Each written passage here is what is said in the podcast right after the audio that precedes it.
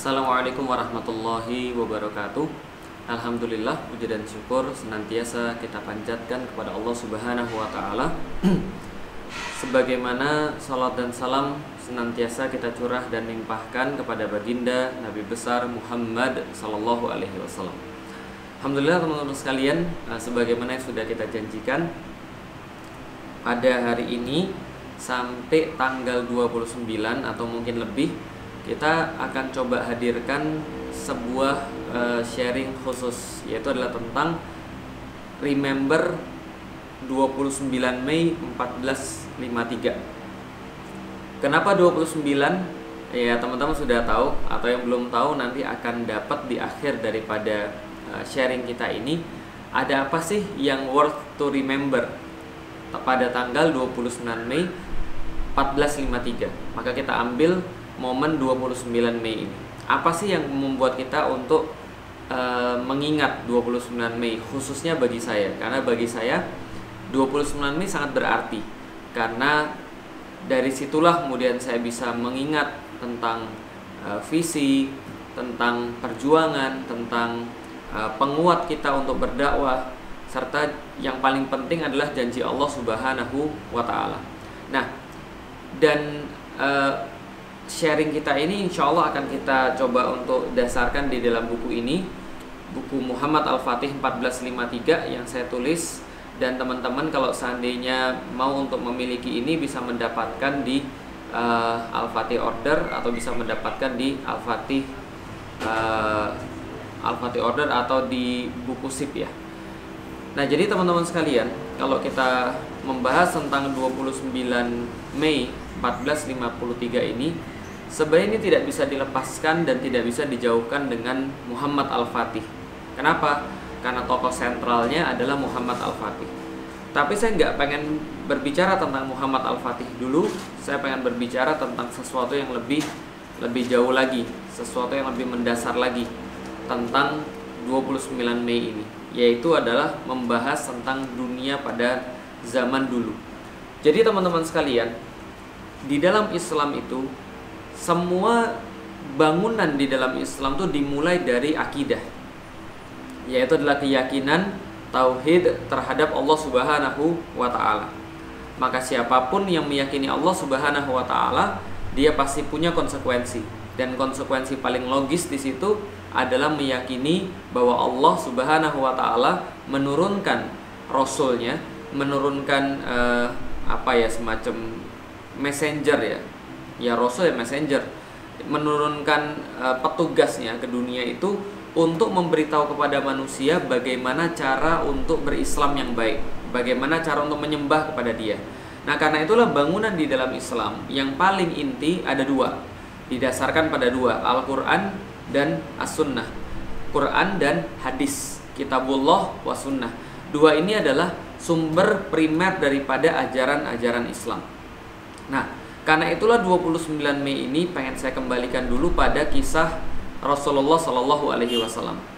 Jadi di dalam Islam itu ada yang sangat menarik bahwa Islam itu sangat memandang pentingnya visi di dalam kehidupan, pentingnya tujuan di dalam kehidupan. Andaikan tidak memiliki visi, maka manusia akan menjadi manusia yang biasa-biasa saja, manusia kebanyakan, manusia yang uh, miskin prestasi. Dan Islam sangat mengakui bahwa bagian daripada uh, penguat prestasi yang membuat seseorang tuh hidupnya menjadi spesial di dunia adalah karena dia memiliki visi. Visi ini yang membedakan antara orang-orang yang biasa dan orang-orang yang istimewa. Nah, Kemudian kalau kita berbicara tentang visi, maka tidak ada visi yang ditanamkan lebih besar daripada visi yang ditanamkan oleh Rasulullah Shallallahu Alaihi Wasallam. Nah, karena itulah ketika kita membahas tentang 29 Mei, kita membahas tentang penaklukan atau pembebasan kota Konstantinopel, semua berawal daripada visi. Karena Rasulullah Shallallahu Alaihi Wasallam itu hidup kan berbeda sangat jauh sekali Pembebasan Konstantinopel terjadi pada tahun 1453. Visi yang diucapkan oleh Rasulullah Shallallahu Alaihi Wasallam itu mungkin terjadi di tahun 5 Hijriah atau mungkin sekitaran tahun 627 uh, 627 Masehi. Mungkin ya, sekitar itulah kira-kira. Nah, berarti ini terpaut sekitar hampir 800-an tahun. Terpaut dari zamannya Rasulullah Shallallahu alaihi wasallam menuju kepada uh, zamannya Muhammad Al-Fatih yang kelak akan menaklukkan Konstantinopel. Nah, ini yang kita bahas. Kenapa kita membahas tentang uh, Konstantinopel?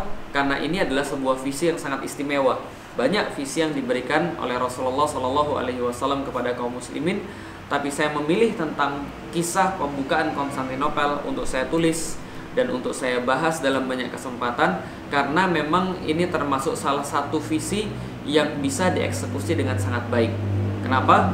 Karena teman-teman kalau mau tahu ketika Rasulullah Shallallahu Alaihi Wasallam itu masih hidup maka beliau berhadapan dengan dua peradaban besar beliau berhadapan dengan peradaban uh, Persia di sebelah timur yang lebih tua dan peradaban raksasa Romawi yang ada di sebelah barat. Jadi sebelah timurnya Persia, sebelah baratnya Romawi, sedangkan Rasulullah Shallallahu Alaihi Wasallam membangun peradaban dari nol di Arab yang pada saat itu Jaziratul Arab itu sama sekali tidak dipandang oleh Persia ataupun oleh Romawi mereka bahkan tidak perlu susah-susah untuk menggerakkan pasukan ke sana untuk menaklukkan uh, Jaziratul Arab. Kenapa? Tidak ada sumber daya, tidak ada sesuatu yang penting sehingga dibiarkan begitu saja. Ini yang terjadi di dunia pada saat itu. Ketika Rasulullah masih hidup, maka pusat dunia ada di Konstantinopel. Maka Konstantinopel adalah sebuah kota yang paling indah di zamannya. Kenapa? Karena di zaman Rasulullah hidup saja di Konstantinopel sudah dibangun gereja Hagia Sophia yang merupakan pusat daripada Kristen Ortodoks. Gerejanya sangat besar sekali, bahkan menjadi bangunan terbesar di dunia. Tidak hanya bangunan terbesar, tapi bangunan termewah di dunia pada masanya. Peradabannya jauh berbeda dengan Jaziratul Arab.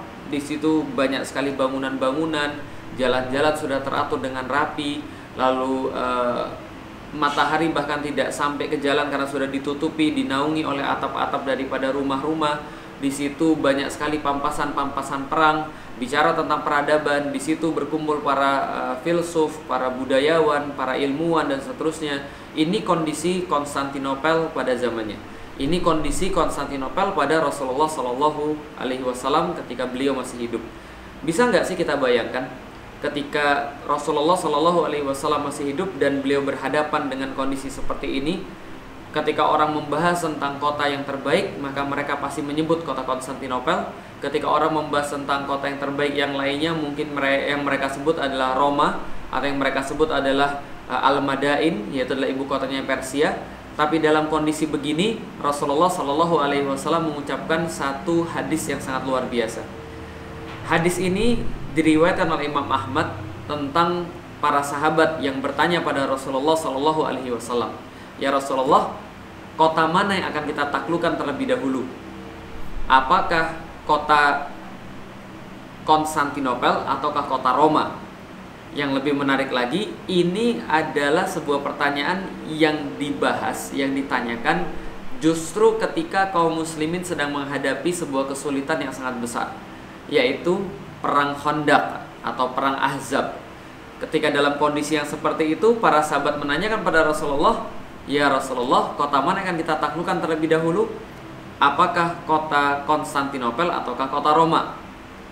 Yang mungkin kalau pada saat itu orang-orang mind blowing cuma karena mendengarkan pertanyaan ini saja. Lah kenapa? Karena tercakup banyak kemustahilan di situ. Kemustahilan yang pertama bahwa mereka sedang dalam kondisi yang sangat terjepit sekali bahkan beberapa menyaksikan kalau mereka masih selamat setelah peristiwa Hondak itu. Yang kedua, mereka sendiri secara internal tidak mumpuni, tidak punya cukup pasukan, tidak punya cukup uh, teknologi, bahkan tidak bisa menjangkau, tidak bisa mengakses uh, Roma ataupun Konstantinopel. Yang ketiga, setelah mereka justru berada dalam bahaya, mereka sendiri sudah tidak punya akses, tidak mampu, tidak capable untuk itu, ini Konstantinopel terlalu kuat. Konstantinopel ini adalah pemimpin dunia pada zamannya. Nah, maka bagaimana mungkin bisa menaklukkan Konstantinopel? Ini sangat diragukan. Ini hampir-hampir dikatakan tidak mungkin. Tapi itulah kekuatan visi teman-teman sekalian Yang nanti akan kita bahas pada pertemuan yang berikutnya Pada video yang berikutnya. Visi itu adalah sesuatu yang bukan dilihat oleh mata Tapi sesuatu yang bisa dilihat oleh iman. Itu adalah visi. Kalau orang zaman sekarang Visi adalah bukan dilihat oleh mata Bukan dilihat oleh pandangan Tapi dilihat oleh logika. Itu visi. Tapi orang muslim punya sesuatu penglihatan yang lebih kuat mereka melihat dengan keimanan mereka, bukan hanya dengan logika mereka yang terbatas, apalagi dengan mata yang super terbatas. Maka, inilah kekuatan visi yang akhirnya membuat kaum muslimin berprestasi sedemikian rupa, lalu kemudian mereka bisa menaklukkan Konstantinopel pada saatnya. Kekuatan visi yang diberikan oleh Rasulullah Shallallahu Alaihi Wasallam ini menjadi sebuah motivasi tanpa henti, menjadi sebuah uh, apa namanya menjadi sebuah bensin yang membakar energi-energi tanpa putus untuk kelak bagi mereka nanti meniti jalannya mewujudkan visi tersebut. Nah, menarik di sini teman sekalian.